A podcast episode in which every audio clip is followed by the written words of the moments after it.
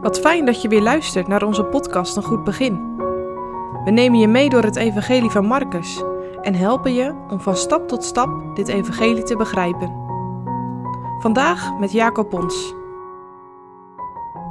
Vandaag is het gedeelte, het laatste gedeelte van Marcus 1 aan de beurt. Marcus 1, vers 40 tot en met 45. En tot hem komen Melaatsen, biddende hem en vallende voor hem op de knieën. En tot hem zeggende, Indien u wilt, u kunt mij reinigen. En Jezus, met barmhartigheid innerlijk bewogen zijnde, strekte de hand uit en raakte hem aan. En hij zei tot hem, ik wil, word gereinigd. En als hij dit gezegd had, ging de melaatsheid terstond van hem en hij werd gereinigd. En als hij hem streng verboden had, deed hij hem terstond van zich uitgaan. En hij zei tot hem, zie dat u niemand iets zegt, maar ga heen en vertoon uzelf de priester. En offer voor uw reiniging, hetgeen Mozes geboden heeft, hun tot een getuigenis. Maar hij uitgegaan zijnde begon vele dingen te verkondigen en dat woord te verbreiden. Alzo dat hij niet meer openbaar in de stad kon komen, maar hij was buiten in de woeste plaatsen. En zij kwamen tot hem van alle kanten. Wat zou ik graag mijn moeder een dikke knuffel geven? Ook al ben ik bijna 40 jaar en ook al is mijn moeder bijna 75, toch deed ik dat regelmatig als ik bij mijn vader en moeder binnenstapte. Maar sinds begin maart, sinds het begin van corona, doe ik dat niet meer. Ik probeer wat afstand te houden en het voelt gek. Die anderhalve meter afstand kan soms veel groter voelen. En soms zie je dan nog wel eens foto's van, van twee jaar geleden of zo. Dan schrik je soms. Moet je zien hoe dicht je dan op elkaar zit. En moet je nu eens kijken wat er gebeurt als er iemand in je omgeving niest of begint te hoesten.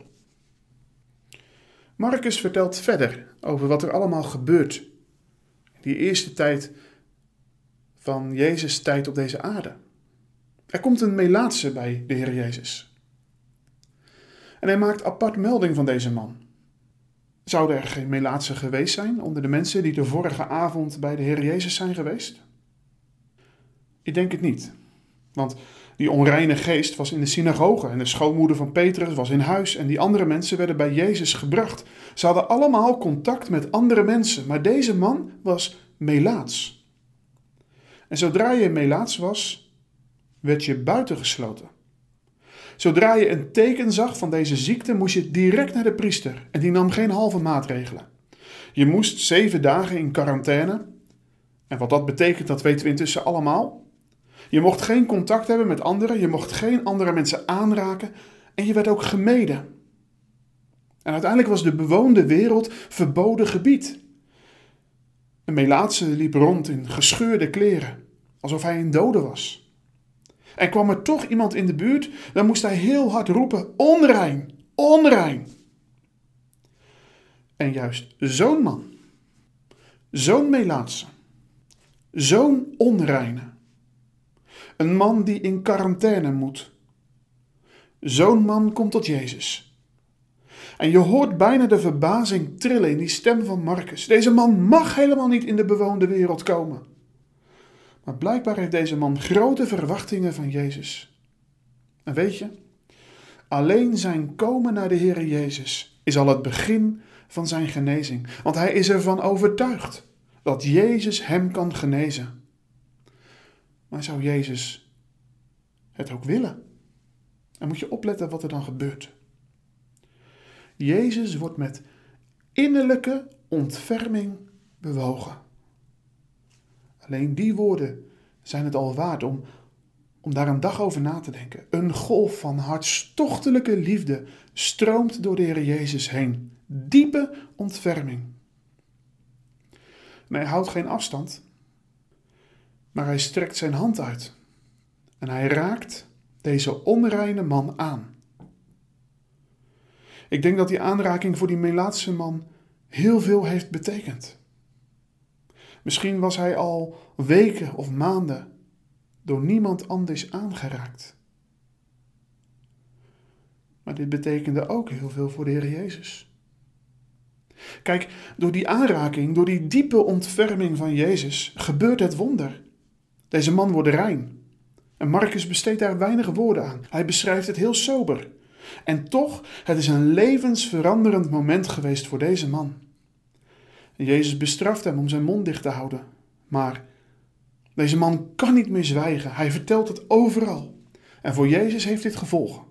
Grote gevolgen. Deze genezing, deze aanraking van die onreine, kostte hem heel veel. Hij kon niet zomaar meer in de stad komen, want hij was nu onrein. Nu moet de Jezus buiten de stad leven in een woeste plaats, als een onreine, als een melaatse. Het is het begin van het lijden, wat straks zijn climax heeft aan het kruis van Golgotha. Hij neemt de onreinheid op zich. Hij ruilt met een verloren mens. Weet je, dat is het lijdensevangelie vandaag in een notendop.